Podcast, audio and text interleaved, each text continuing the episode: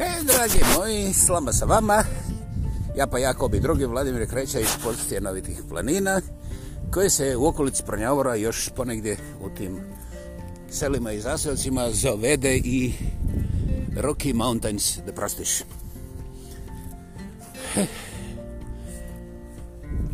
Ovaj, do sada nije bilo niskih temperatura koje su ovdje regularno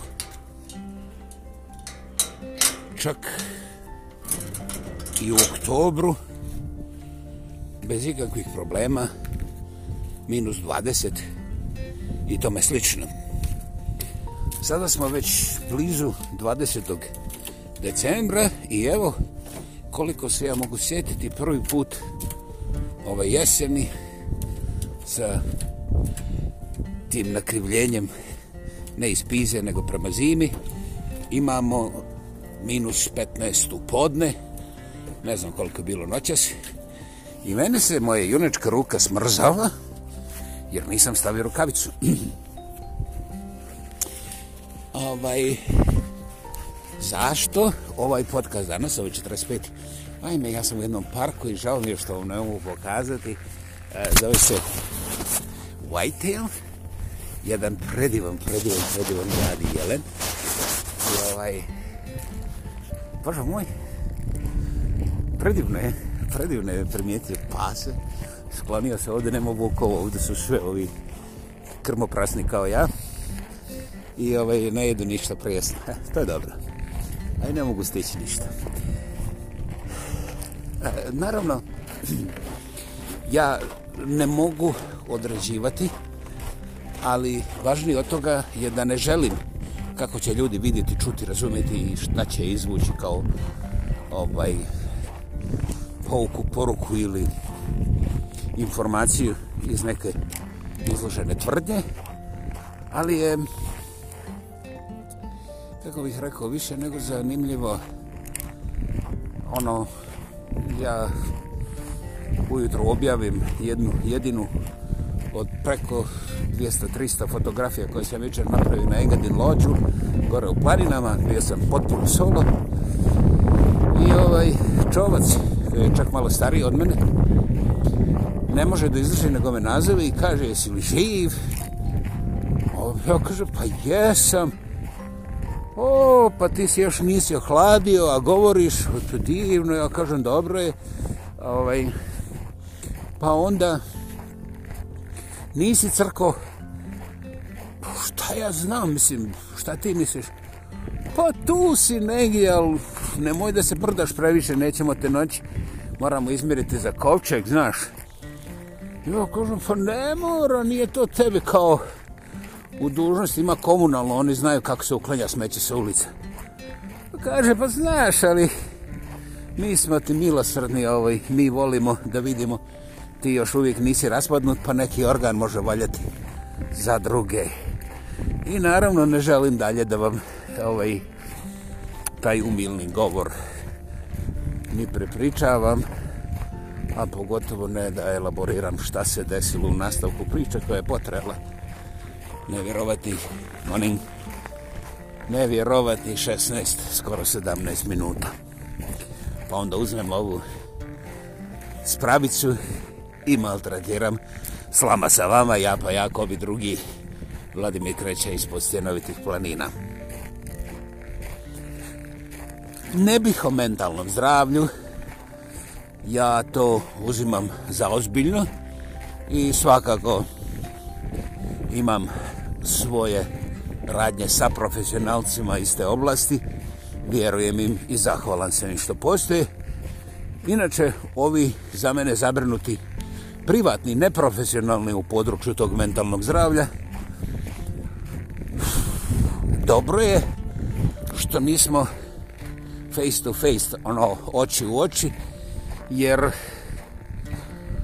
Boga mi više ne znam da li bi umro crko ili možda bi mrdno se u nekom nepredviđenom pravcu kad počne ta ničim izazvana diskusija čovjek hoće da mi valjda objasni kako ja njemu ličim na mrtvaca. Ovaj, I to je baš tako umilno. Ali ovaj, ne znam u koju tu kulturu pripada. Dobro, ja sad pretjerujem, naravno, šta će nama kultura. E, ok. Ne znam u koji poslovni oblik komunikacije to pripada. Ha. Dobro. Čekaj, to isto kao kad bi mrtvozornik mrtvacu donio na pregled ove kovčege da on bira boju i te materijale, krojeve, šta je znam. Opet nekako, znaš, ne treba mi psihijatar da skužim da je to, znaš, ono, totalno nefunkcionirajuće. Dakle, o čemu se radi? Pojma nemam. Šta ljudi žele da postignu s tim? Šta me prošetaju po tim kovčezima, skinu mi organe, jer eto, nisam se raspao. Da li bi to trebalo biti neka provokacija? Znaš, kada je nešto brutalno, pa onda još brutalno, primitivno i što kažu ovi iz Gornjeg Vakufa, gros, znaš, tu ja ne vidim potrebu da dam bilo kakvu kategorizaciju. To samo za sebe bilo bi bolje da šuti, ali kad nešto kaže, Bože, sačuvaj. Ako čovjek ima vremena i priliku, može da pusti vodu i poslije toga, hajmo što dalje, jeli? Ovaj, tako da ne vidim analitičkih nužnosti u bilo kojem pravcu. Ali eto, ja se nadam da to tom čovjeku donosi nekakvu satisfakciju. Meni je jasno da taj fetišistički fanatizam ne mora biti diagnosticiran e da bi postojao. Onda te pseudosadističke intencije koje ljudi čak i nisu svjesni jer oni kada ih se stisne naš onda kažu mu ja se šalim nisi nikad čuo za crni humor. I tako redom. Ovdje je najvažnije zapamtiti da je riječ a to svi kao znamo da je riječ vrlo, vrlo moćno, ne samo oružje, nego i alat. A sa alatom se može, sa oružjem se jeli kao ruši, ali sa alatom se može i rušiti i graditi. I to je sasvim druga dinamika. Sasvim druga dinamika. Dakle, nemojte svojim prijateljima govoriti o modelima najnovih kovčega i raspadanja, jer kad dođe vrijeme, sve će im se reći, ovaj, ne znam baš sa kojih svih strana, ali kada im se sve kaže, kada dođe taj moment, oni baš i neće pretjerano slušati, a i neće se vratiti nazad da se žale. Dakle, koristite svoj životni prostor, svoje emocije, a posebno svoj jezik, da ne trljate okolo raspadnuto i govnjivo. Jer sav alat koji se ne koristi propada, a u tom propadanju ruši i vašu okolinu. I kad je vaša okolina srušena, vi ne možete da pobjegnete od tog rušenja ono je u vama. I doista je onda bolje biti mrtav nego tako srušen. Sam od sebe, sam iz sebe. Dakle, stvar je na vama, gospodo. Hvala.